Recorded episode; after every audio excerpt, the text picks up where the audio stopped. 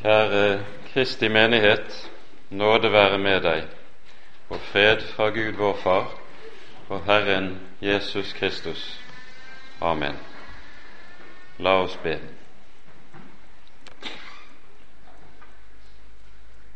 Herre du levende Gud og hellige Far. Til deg kommer vi på denne bots- og bededag og ber deg, forbarm deg over oss du som ransaker hjerter, ta deg av oss, send din Hellige Ånd, og omvend oss for at vi må bli omvendt. Amen. I dag er det slik at prekenteksten er hentet fra Hebreabrevets tredje kapittel, og vi leser herfra i Jesu navn fra det syvende vers.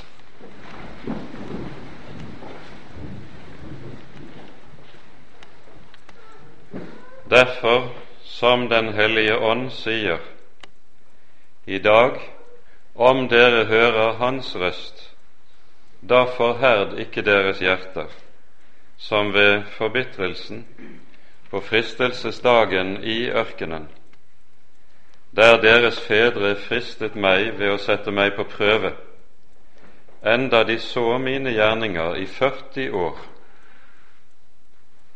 Derfor ble jeg harm på denne slekt, og jeg sa:" Alltid farer de vil i sitt hjerte, de kjenner ikke mine veier. Så sverget jeg i min vrede. Nei, aldri skal de komme inn til min hvile. Se til, brødre, at det ikke hos dere, ikke hos noen av dere, er et ondt og vantro hjerte så han faller fra den levende Gud. Men forman hverandre hver dag, så lenge det heter i dag, for at ikke noen av dere skal forherdes ved syndens svik. For vi har fått del med Kristus så sant vi inntil enden holder fast ved den første fulle visshet. Hellige Far, hellige du oss i sannheten, ditt ord er sannhet. Amen.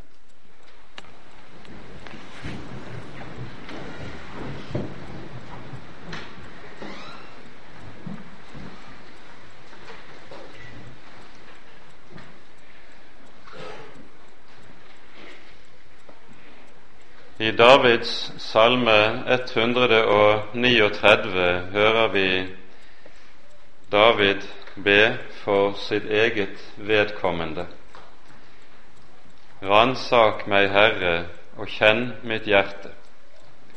Prøv meg og kjenn mine mange hånde tanker, og se om jeg er på fortapelsens vei, og led meg på evighetens vei.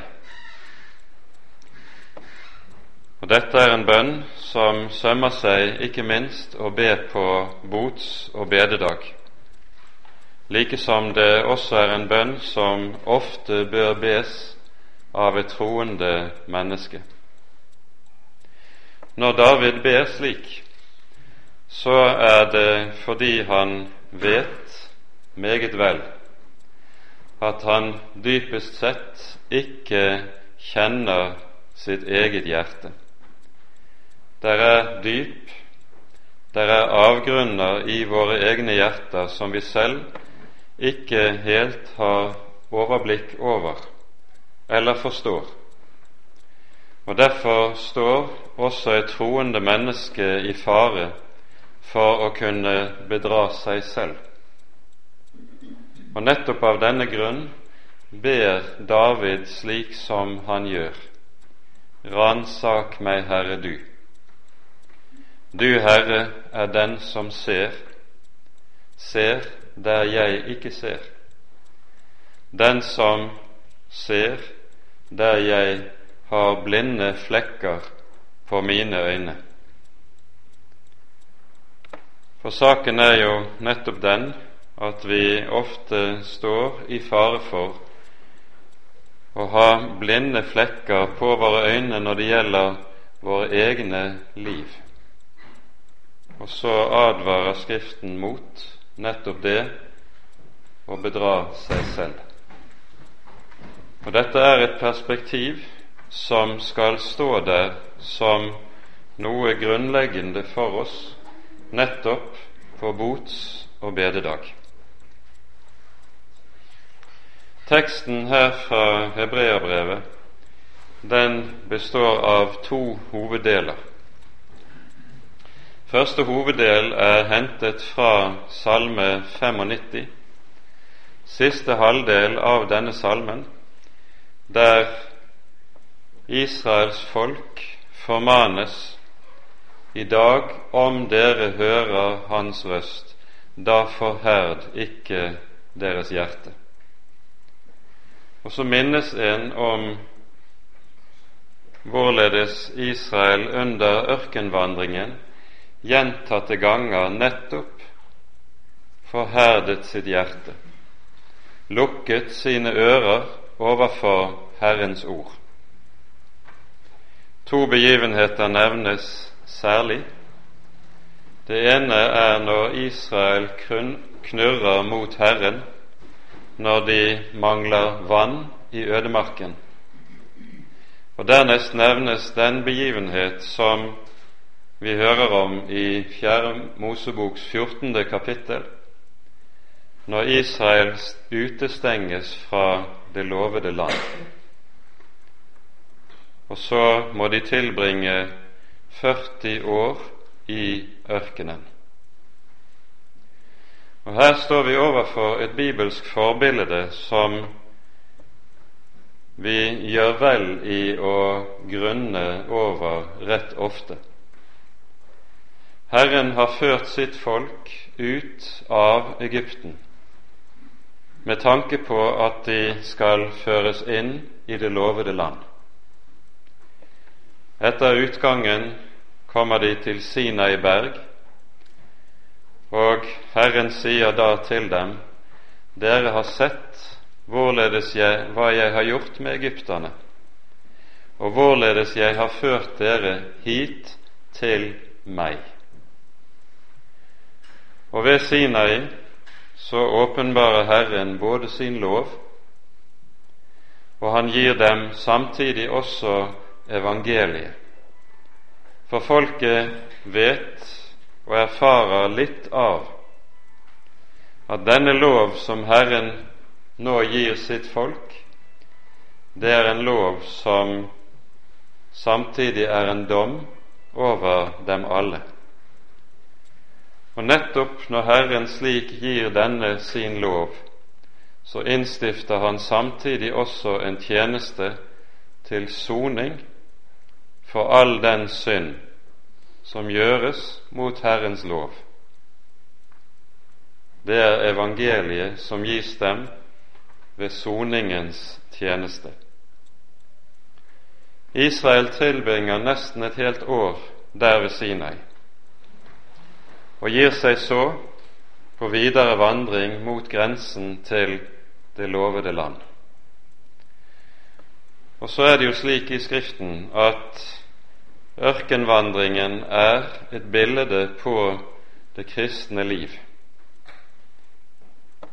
Og det å komme til det lovede land, det er å nå målet hjemme hos Gud. Det som er så uhyre talende med det vi hører om Israels ørkenvandring, er at selv når de er nådd like til grensen av landet. Selv når de står like ved målet, så er det mulig også der å feile og gå fortapt. Brorson synger i en av sine salmer Begynt er ikke endt, det merk i tide. For det er lett å begynne med frimodighet og kraft, men ikke bare det å bli et troende menneske er et Guds under, men et langt større under er det også det å bli bevart inntil enden. Når John Bunyan skriver sin bok om pilegrims vandring, forteller han i denne historien om hvorledes pilegrim har nådd nesten til målet. Og der, like foran døren inn til himmelen, går det også en vei ned til det mørke helvete. Selv like ved målet er det mulig å feile. Det er dette som skjer med Israel, der de står ved grensen til det lovede land. De er ført hele veien, men får ikke komme inn. Begynt er ikke endt, det merk i tide, synger Brorson. Og det er nettopp dette som vi som troende mennesker minnes om gjennom dagens tekst. For det som er en fare for oss som troende, det er å komme inn i en art selvfølgelighet, der vi tar vår kristenstand som en selvfølge, der vi tar Guds nåde som en selvfølge, der vi tar det å nå til målet som en selvfølge. Og så slumrer vi gradvis inn og slutter nettopp av den grunn å våke og være våkne. Du har flere eksempler nettopp på noe av dette i vår bibel. Kanskje et av de mest gripende finner vi i beretningen om Samson. Når han til slutt fanges av filistrene, står det om ham i Dommerboken 16. kapittel at han sa ved seg selv at 'jeg skal nok fri meg også denne gang'. Men så står det føyet til men Samson visste ikke at Herren var veket fra ham. Og så husker vi hvorledes det går. Det som gjør at det går galt for en Samson, det er at han nettopp er kommet inn i denne selvfølgelige, dette selvfølgelige forhold til troen, som gjør at han regner det som står i en selvsikkerhet som regner med at Guds nåde og Guds vern er noe som selvsagt er der, selv om jeg skulle ikke ta det så nøye når det gjelder ulike slags synd. For det er jo nettopp det som kjennetegner Samson. Under sin vandring begynner han å bli mer og mer lemfeldig blir mer og mer likegyldig i forhold til bestemte synder, inntil han kommer dit hen at han faller, og det må sies om ham. Han visste ikke at Herren var veket fra ham. Begynt er ikke endt, det merk i tide.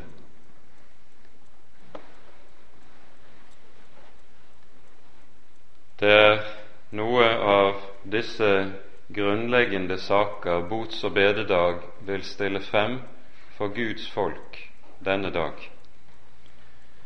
for å vekke oss til omvendelse, vekke oss så vi ikke kommer i den stilling at det en dag må sies om oss du har navn av at du lever, men du er død.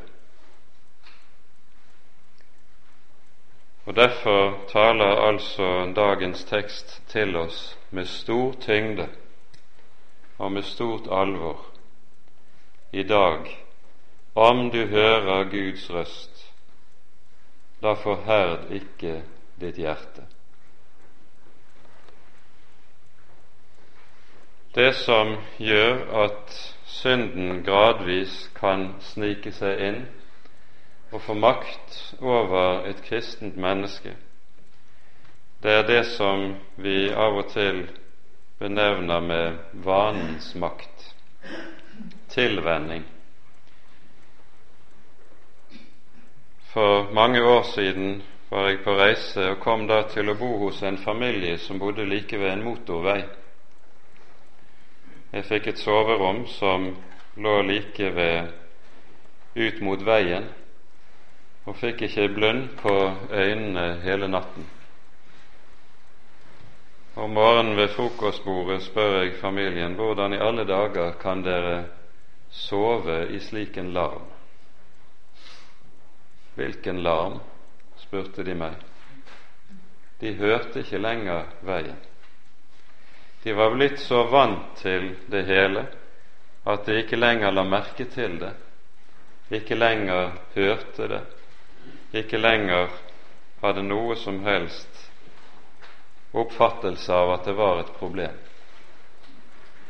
Og nettopp dette forhold står vi alle sammen i fare for å komme inn i når det gjelder det som har med synd å gjøre på ulike områder. Ikke minst er dette i våre dager kanskje meget farligere enn det har vært i tidligere tider på grunn av den makt massemedia har, den makt fjernsynet kan ha inn i våre hjem, slik at vi gradvis venner oss til det usunne, det urene, det onde og det syndige, og så gradvis avstumpes og slutter å reagere.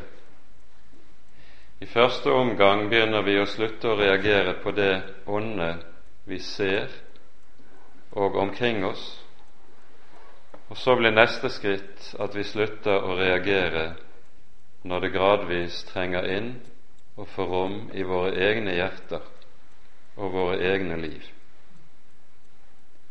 Begynt er ikke endt, det er merk i tide. Så ber David, som vi har hørt det, ransak meg, Herre, og kjenn mitt hjerte. Det er det vi ber om hver enkelt på bots- og bededag. Ber om at Han som er Gud, vil hente oss inn i sitt lys for at vi kan fornyes på det vis at både vår synd kan avsløres, og at ved vi å komme inn i lyset også kan få fornyes i syndenes forlatelse, at nåden kan bli ny, og vi på ny kan renses av vår Herre og vår Frelser på ny kan komme inn i den stilling der hans miskunnhet ikke tas som den største selvfølgelighet, men får lov til å bli det som den er, det største under som overhodet finnes.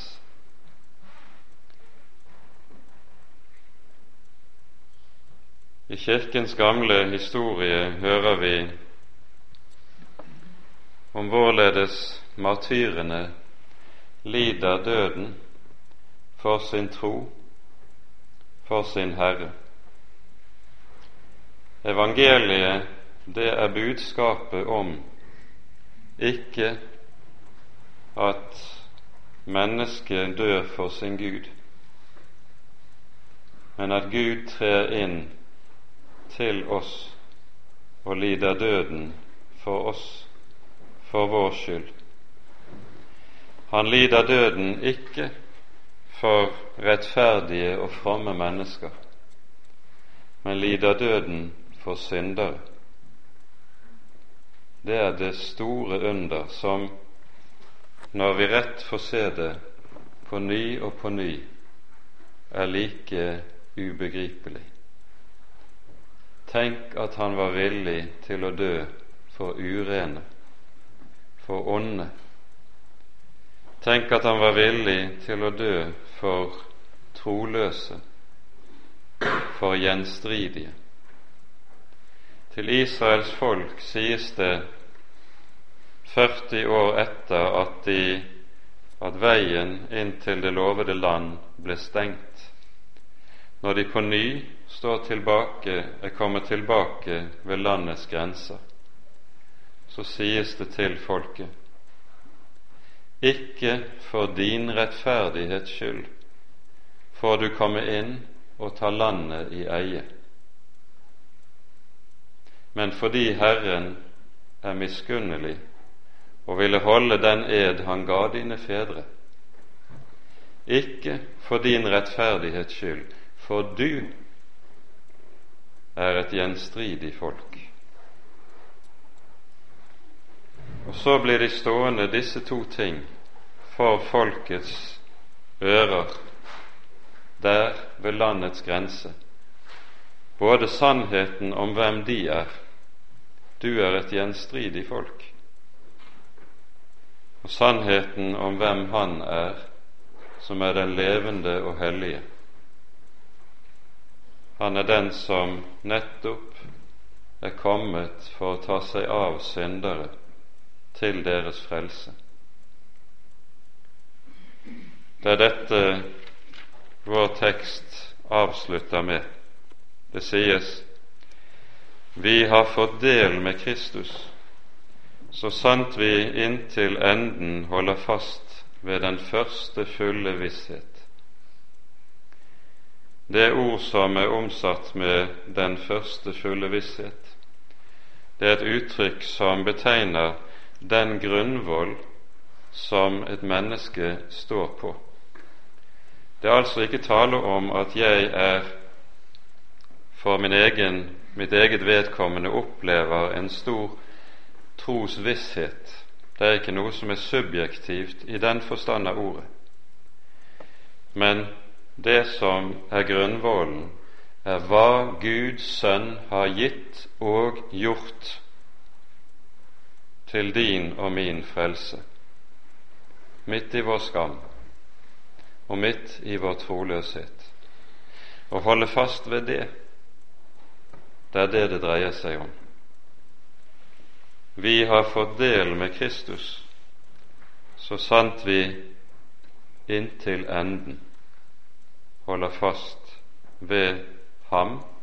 Det er nemlig Han som er vår visshet og vår grunnvoll.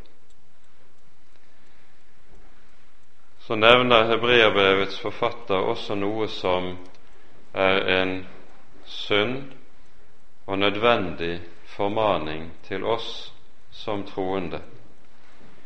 Der sies forman hverandre hver dag, så lenge det heter i dag, for at ikke noen av dere skal forherdes ved syndens svik.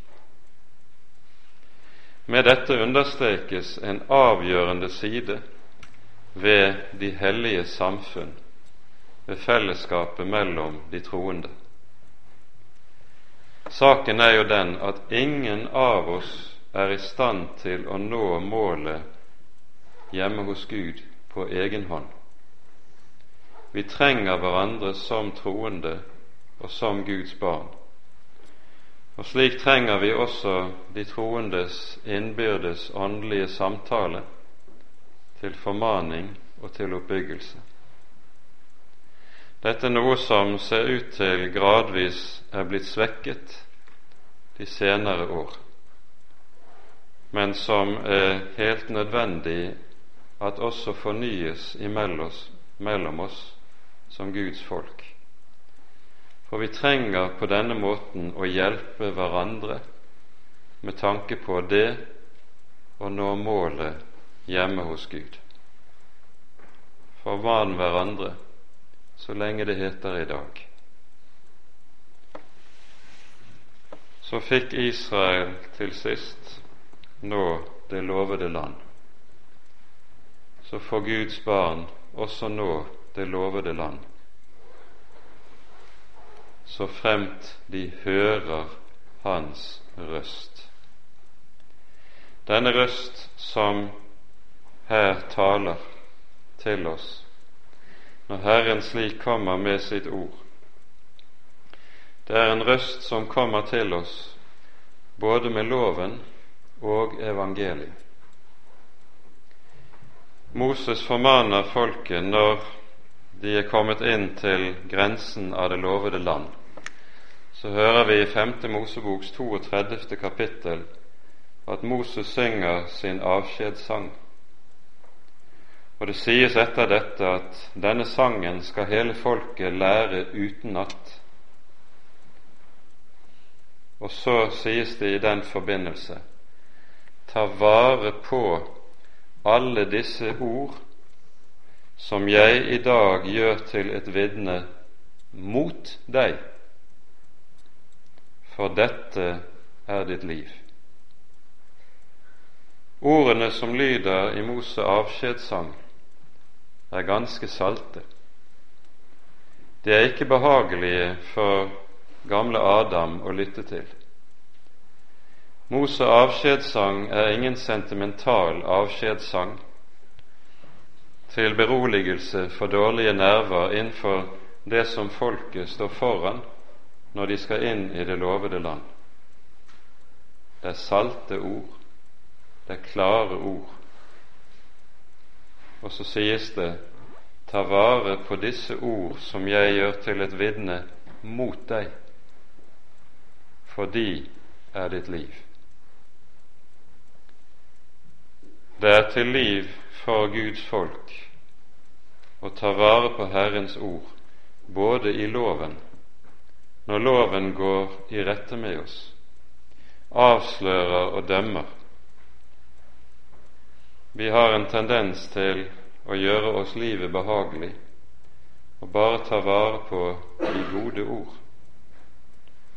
Det kan av og til bli til misbruk av evangeliet at vi gjør det lettvint for oss selv.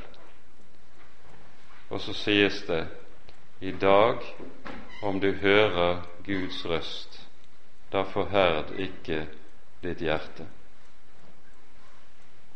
Å høre Guds ord, det er å høre Ham tale ut, høre Ham i alt Han har å si til oss uten å gi seg til å prøve å sortere.